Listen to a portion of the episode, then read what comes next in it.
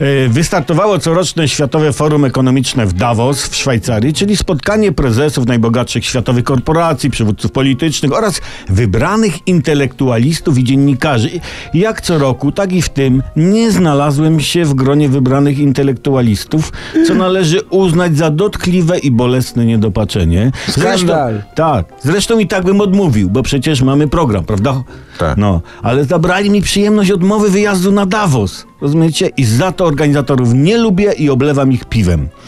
Dobra, Davos to jest taki zjazd samych bogatych i przywódców, którzy mają rozmawiać o problemach świata. Temat tegorocznego forum to budowanie wspólnej przyszłości w zdezintegrowanym świecie. Oczywiście nikt z bogatych nie chce tak naprawdę integrować, ale zawsze na takich spędach potrzebne jest chwytliwe hasełko dla bidoków, nie?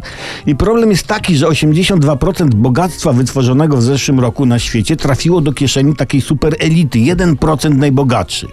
I oni będą nad tym problemem w Davos radzić, zastanawiać się, co zrobić, co zrobić, żeby w tym roku do tej jednoprocentowej elity już nie trafiło 82% wytworzonego bogactwa, ale co najmniej 85, jak nie 90.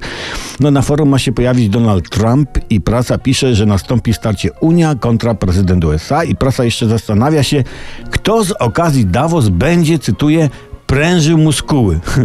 No wiadomo, kto będzie prężył muskuły. Jak zwykle ostatnio. PiS w Sejmie.